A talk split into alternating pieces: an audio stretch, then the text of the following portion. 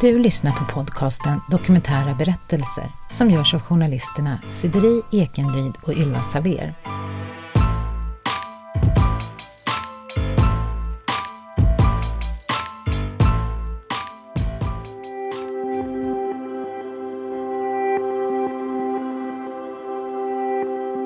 –75 procent av de som befinner sig i prostitution i Sverige idag utgörs av kvinnor och flickor från fattiga länder. Men det här avsnittet ska handla om det kanske mest ovanliga i prostitutionen, nämligen heterosexuella män som säljer sex till kvinnor i Sverige. Det ska även handla om varför ingen kvinna hittills dömts för sexköp. Sex är sex för mig. Det är inte kärlek.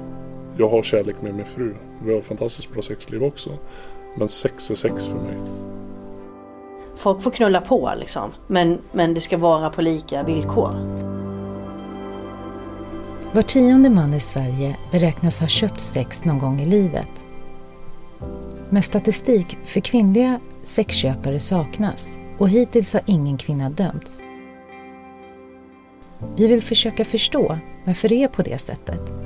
Att kvinnliga sexköpare överhuvudtaget inte har blivit lagförda eh, handlar nog inte alls om att de inte finns, utan tvärtom. Eh, för att få syn på någonting så måste du veta att det existerar. Dels att jag fått så mycket beröm för vad jag gör för någonting. Vi har träffat Karl, en familjefar i 40-årsåldern som under de senaste åren har sålt sex till minst 50 kvinnliga kunder. Karl vill vara anonym, därför har vi bytt ut hans namn och förvrängt hans röst. Och sen, sen började man skämta lite grann om att man kanske skulle ta betalt för det här någon gång. För det finns så många som inte har upplevt vad bra sex är. Eller vad en fontänorgasm är. Eller vad en vanlig orgasm är. Eh, och kan jag tjäna en liten slant på att jag kan tillfredsställa den kvinnan och få uppleva det på ett tryggt sätt. Då gör jag det. Det är just den här kicken som man vill komma åt. Att, att lämna en människa väldigt, väldigt nöjd och, och den personen bli mer nöjd än vad man trodde att man skulle bli kanske. Att, eh, ja, att se en väldigt nöjd person eller klient bakom det, då, det ger mig en kick. Man betalar mig för timme, gör man. Och vissa vet exakt vad de vill ha för någonting och då är det bara sex. Oftast så kan det vara en resande kvinna vi bokar på ett hotell eller hon har bokat rum redan när jag kommer dit till hotellet. Eller att jag är ute och reser och hon kommer till mitt hotellrum i så fall. Eh, ett fåtal gånger så, så, så blir det en middag. Eh, ofta så tar man en drink i baren för att, för att se varandra och stämma av personkemin. Men som sagt alltid så slutar det med sex. Mitt intresse för, för sex har alltid varit ganska stort och drivande. Och jag tror att det väcktes egentligen. Jag började, jag har bott i Stockholm ganska länge. Och började när jag var 20 år. Så det var för 20 år sedan. Så var jag på en parklubb i Solna. Och eh, där träffar man ju både sin egen partner och får välja om man vill vara med andra partner också. Och där var det väl egentligen att man, man fick beröm för vad man gjorde kan man säga. på, på lite ödmjukt sätt. Och då, ja, jag har varit på parklubb i många, många år. Tycker det är roligt och fått ja, beröm. Att jag lägger, jag tänker inte så mycket på mig själv i det fokuset utan tänker mycket på, på kvinnan eller tjejen istället. Och det har jag lyckats bra med. Karl tar 1500 kronor i timmen för vanligt sex. För analsex och fontänorgasm tar han 500 kronor extra. Jag har familj, det har jag. Och där låter vi det stanna. Eh, min fru vet om det här. Eh, hon är inte inblandad på något sätt men hon vet om vilka jag träffar när jag träffar dem i sådana fall. Och det är helt okej för henne också. Eh, jag har ett annat jobb. Ett vanligt jobb. Vilket gör att jag reser en hel del och jag har möjlighet att träffa kunder runt om i Sverige också. Och jag har ett jättebra jobb där jag, där jag har bra ekonomi i min tjänst. Eh, och som sagt jag reser mycket både i Sverige och i Europa så jag upplever väldigt mycket saker inom jobbet. Eh, så egentligen har jag så att klara mig men just sexbiten är jag fascinerad av och trivs med den. Så vad utmärker Karls kunder och varför köper de sex av honom? Mina kunder det, det är allt från en väninna som vill ge bort en rolig present till en nybliven skild kvinna till exempel. Till att, att det är kvinnor som har ett riktigt dåligt sexliv tillsammans med sin man. Så jag tror inte att det finns någon generell kvinna bakom det. Det, det tror jag inte.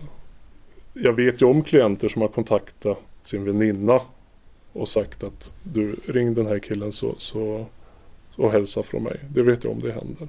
Och det är klart, det är väl den bästa reklamen man kan få. Där. Men sen gäller det att synas på nätet. Det är en tuff bransch så sett. Många är nog väldigt nyfikna på det här att man har talas om, om någon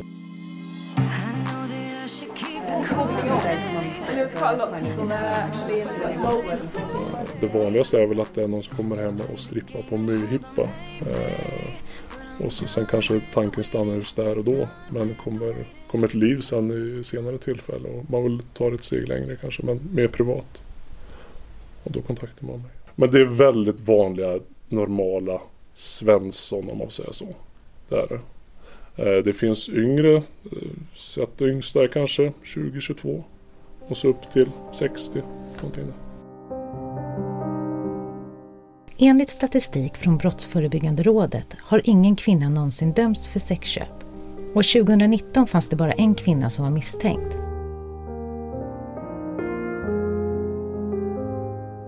Så varför har då inga kvinnor hittills dömts? När vi hör av oss till polisen via mail får vi som svar att andelen kvinnliga sexköpare är så pass liten i sammanhanget att polisen därför inte spanar efter det. De avböjer härmed intervju med oss. Vi får även svar via mejl från poliskommissarie Kajsa Wahlberg som har jobbat med dessa frågor ända sedan lagen kom på plats 1999 och hon meddelar att hon aldrig hört talas om att någon kvinna dömts för sexköp. Men för tre år sedan träffade vi Malin Andersson. Då arbetade hon som socialsekreterare vid polisens prostitutionsenhet i Stockholm. När vi frågade henne om hennes erfarenhet av kvinnliga sexköpare svarade hon så här. Det har jag ingen om. Mm. Alltså det är ju noll lagförda personer för sexköp. Min erfarenhet säger, alltså um, man kan göra en liten jämförelse uh, med mäns våld mot kvinnor och, och omvända. Det är ju, uh, ja det finns kvinnor som slår män.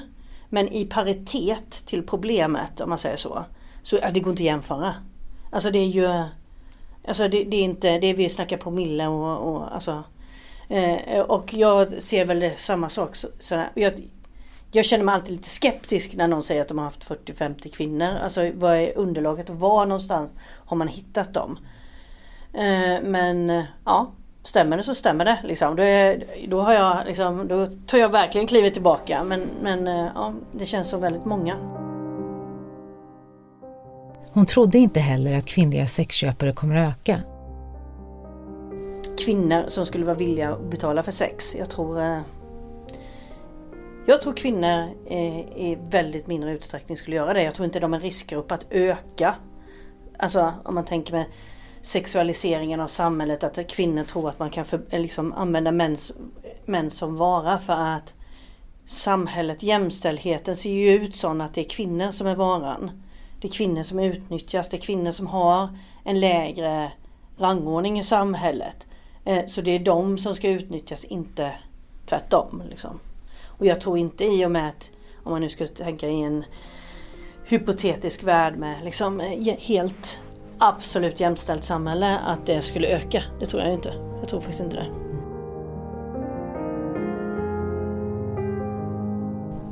Det är ju lättare numera att, att hitta eh, personer som säljer sex, både manliga och kvinnliga och det gör man ju via nätet idag.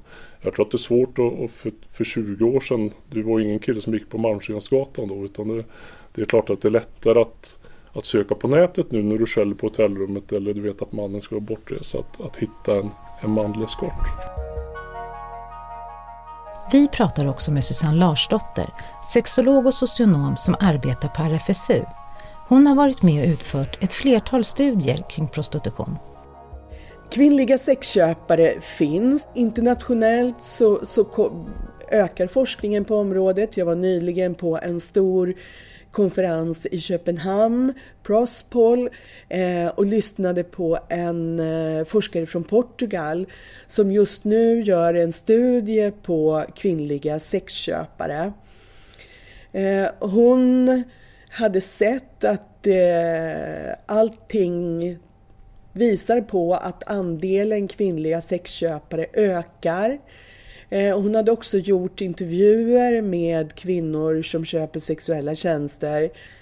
Eh, flera av de här kvinnornas eh, bevekelsegrund till att man köpte sex var ungefär samma som manliga sexköpare. Man ville ha snabba sexuella kontakter utan att behöva investera så mycket känslor i det och man ville ha bra sex och kunna få orgasm. Eh, utan att eh, för den skull vilja ha något mer känslomässigt engagemang. Och då tyckte man att, att köpa en sexuell tjänst var eh, det bästa sättet som, som man kunde tillgodose det behovet på. Så kvinnliga sexköpare har funnits och det finns. Eh, forskningen visar att det, det finns tendenser som säger att det här ökar. Idag finns ingen officiell statistik kring mäns försäljning av sex till kvinnor. Men i Susanne Larsdotters kartläggningar går det ändå att se bevis för det. De studier som jag har varit med och gjort har huvudsakligen handlat om hbtq-personer som köper och säljer sexuella tjänster. Eh, och där inkluderas ju då inte heterosexuella män som säljer sex till kvinnor. Men eh, i och med att vi har kartlagt män som har sex mot ersättning på nätet eh, så har vi ju naturligtvis också noterat att det finns män som säljer sex till kvinnor. Och eh, jag har varit med och gjort två kartläggningsundersökningar där vi har tittat på antalet som säljer sex.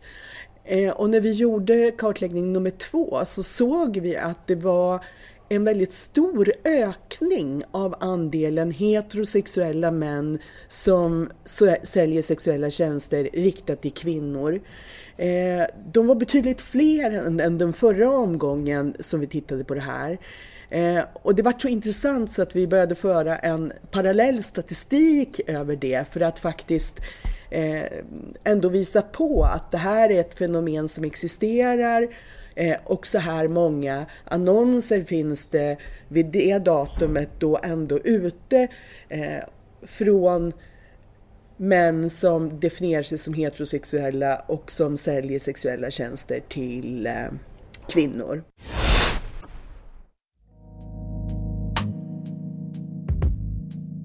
Säg att det är 50-50. 50%, par som jag träffar och 50% egna tjejer och kvinnor som jag träffar. Ibland så märker man ju det på killen att han är lite mer drivande. Oftast är det ju de här 50% av paren som jag träffar så är det ju killen vill se sin tjej med en annan man. Antingen så går man ut och raggar efter en tredje partner eller så kontaktar man mig då. Fördelen med att kontakta mig är att, att det är ju bara sex då och jag kommer inte kontakta kvinnan efteråt för att vi har någon flört på något sätt. Så är det ju inte. Så, så jag ser fördelen att jag kommer dit, gör min grej, sen går jag därifrån. Sen får de uppleva sina minnen tillsammans istället. Då. Så där kan man säga att mannen är lite mer drivande, men inte att det var obehagligt på något sätt. Det är klart att det är väldigt lätt att få hitta en kille för en kväll. Men många killar de, de gör sin grej, sen går de därifrån. Oftast är inte kvinnan i fokus när de tänker på den grejen. Utan oftast när jag kommer dit och lägger kvinnan i fokus istället. Så man får ut mer utav som jag upplever en träff med mig då. För att hon får 100% fokus och jag kommer i andra hand. Och så har jag alltid, så har alltid varit. Eh, så, så, här vet man vad man får. Du får en orgasm. Så är det. Eh, Medan drar du hem en kille från krogen då kan det bli obehagligt eller kanske inte bli något bra alls överhuvudtaget. Hur kommer det sig då att det verkar som det finns en ökning av kvinnliga sexköpare? Susanne Larsdotter igen. Det enda jag kan göra är att, att möjligen spekulera i att eh, det här området, liksom andra områden eh, som kanske inte alltid är de mest önskvärda, men som att kvinnor utövar mer våld än tidigare, eh, att kvinnor eh, ökar sin alkoholkonsumtion, Eh, och att kvinnor kanske köper eh, mer sexuella tjänster än vad man gjort tidigare. Också en konsekvens av en ökad jämställdhet. Att, att kvinnor också får eh, ökade eh, möjligheter att också leva ut sin sexualitet på många olika sätt. Eh, och i och med att, att skillnaden mellan kvinnlig och manlig sexualitet suddas ut så, så, tror jag att det här också öppnar upp för att tillgodose sina sexuella behov på många olika sätt. Karls försäljning av sex bidrar enligt honom till en guldkant på vardagen.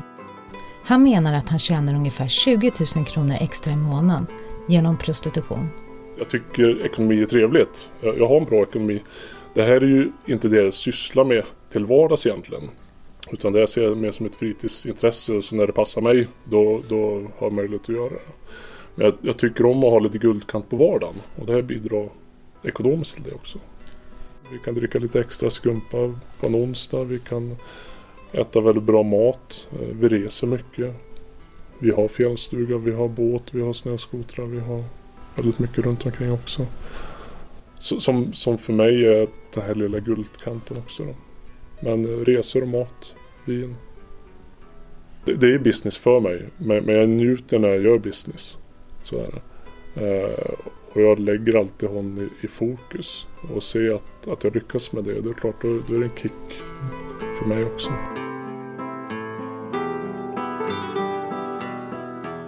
Vi frågar också Susanne Larsdotter vad det finns för orsaker till att man hamnar i prostitution. Det finns många olika orsaker till att man börjar sälja sexuella tjänster. Eh, och det kan ju vara allt från väldigt primära behov som att jag måste ha pengar till hyran, jag måste ha pengar till mat, jag måste ha pengar till uppehälle. Det är alltså rent, en ren social utsatthet som driver mig till att jag måste ha försörjning för min egen överlevnad. Men det kan ju också vara eh, en annan form av ekonomiskt incitament som driver mig. Eh, jag har pratat med eh, Eh, sexsäljare som vill ha en guldkant på tillvaron, vill kunna köpa eh, märkeskläder, kunna vilja vara den som bjuder på krogen, eh, vill kunna bo i Stockholms innerstad i en snyggare lägenhet.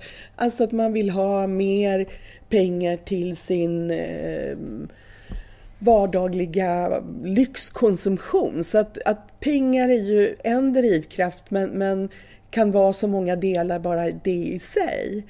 Sen finns det naturligtvis personer som, som eh, har eh, traumatiska minnen, eh, som har varit utsatt för övergrepp, som har eh, levt under svåra omständigheter och eh, som ibland drivs av ett självskadebeteende eller andra destruktiva mönster som, som ger ett återupprepningstvång eller på annat sätt gör att man har valt den här eh, vägen.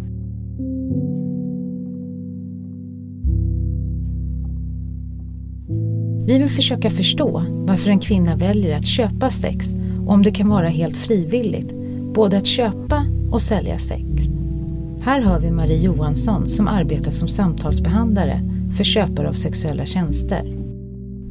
Kan ju vara något hos de här kvinnorna, lite grann som det är hos männen. De kanske också mår dåligt och skulle behöva den här eh, den här närhet fast mer, det är liksom ingen intim närhet egentligen. Det är mer bara att man, en fysisk närhet som man får för stunden och sen kan man må jättedåligt efteråt. Så även fast man säger att ah, men det är frivilligt från alla håll så... Det är sällan frivilligt från alla håll. Det brukar oftast finnas någon, någon orsak till att varför man börjar prostituera sig eller köpa. Det är inte något man gör för att det är så jäkla kul. Det är ju ändå alltså det, det, det, och känns det inte så just då så kommer det oftast lite efter att man är man har ju, alltså det kan ju mycket i det också vara ett självskadebeteende för bägge parter.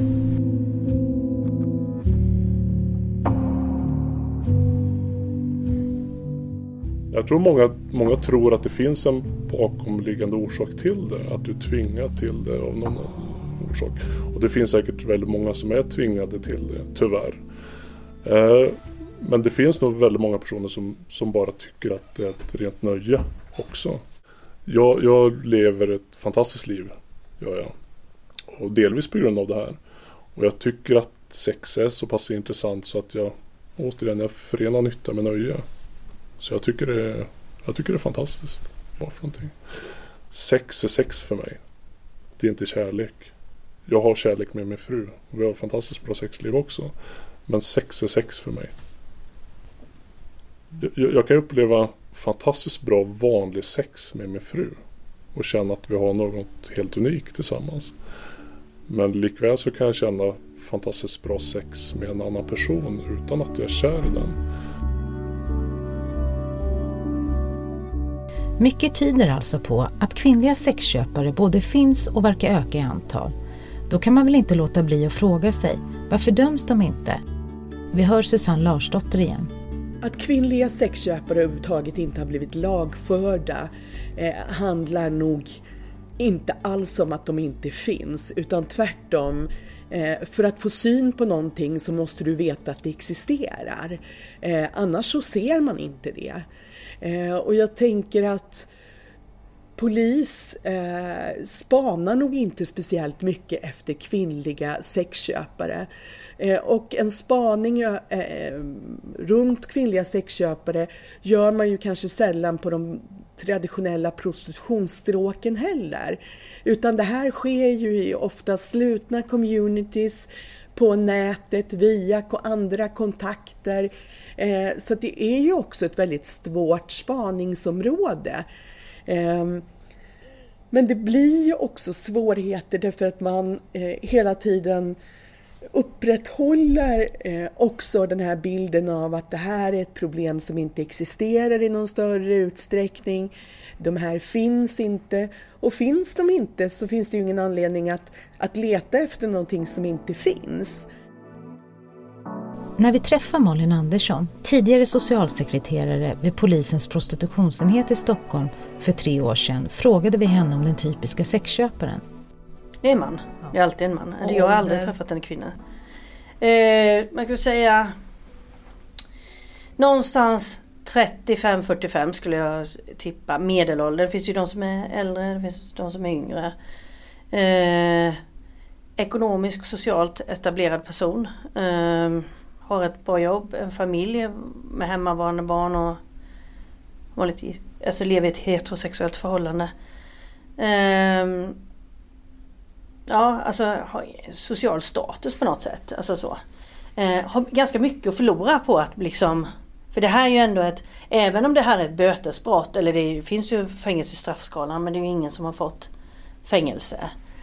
Däremot villkorlig dom och sånt där men inte fängelse har ju ingen fått än för för sexköp.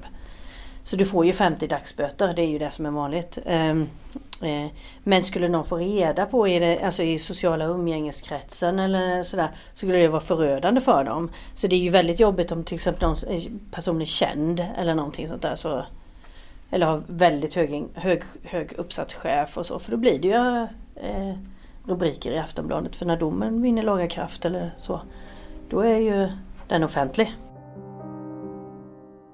Så hur kommer det sig att polisen inte ens spanar efter kvinnliga sexköpare? Och det är också intressant varför. Inga Tidefors, psykolog och lektor i sexologi, tror att svaret finns att hämta i djupt psykologiska mekanismer hos människan som handlar om att vi inte vill se kvinnor som sexförbrytare. Den tanken att det finns kvinnor, mindre andel i och för sig, som köper sex eller som begår sexuella övergrepp på egna barn eller andra barn. Att vi har så starkt införlivat i oss att för vår överlevnad måste mamma vara god. Och därför så finns det ett så starkt motstånd mot att se kvinnor som eh, ja, att vi gör någon annan illa eller att vi då i detta fall är frågan om köper sex. Det mm. lär vara så att, att det vet inte man vet, Men när vi blir riktigt, riktigt rädda eller när vi är på väg att dö så är det vanligare även hos troende människor att ropa mamma hjälpen och ropa på något annat. Så jag tror att det blir extra laddat när vi tänker oss in i att kvinnor beter sig så kallat okvinnligt. För att vi ska känna oss trygga så måste i alla fall mamman vara god i, i vår kultur. Sen kan det se annorlunda ut i andra kulturer. Mötet med Karl börjar närma sig sitt slut. Vi undrar hur han ser på sin framtid. Jag, jag håller på så länge jag tycker att det är roligt och att det inte blir någon svartsjuka hemma av något sätt. Utan det vi pratar om att är det någonting vi, vi känner oro för då, då avbryter vi på en gång. Men, eh, nej, men jag håller på så länge, så länge det är någon som vill ha mig. Så, det är ingen som vet om det här i min bekantskapskrets egentligen. Skulle det vara några utav av mina närmaste som, som upplever oro eller, eller skäms eller får reda på det av någon orsak då, då lägger jag ner. Jag brukar säga till mig själv att jag kommer att sitta på ålderdomshem och ha största leendet av alla. Mm. För jag lever, jag tycker att jag lever ett, ett väldigt bra liv. Jag är väldigt nöjd med det liv jag lever. Det finns allt för många som, som inte vågar leva livet idag. Av olika orsaker. Att man inte törs eller att du inte kan eller ekonomiska möjligheter.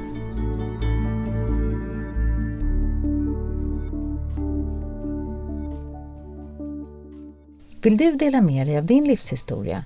Glöm inte då att mejla oss på kunskapsstudion gmail.com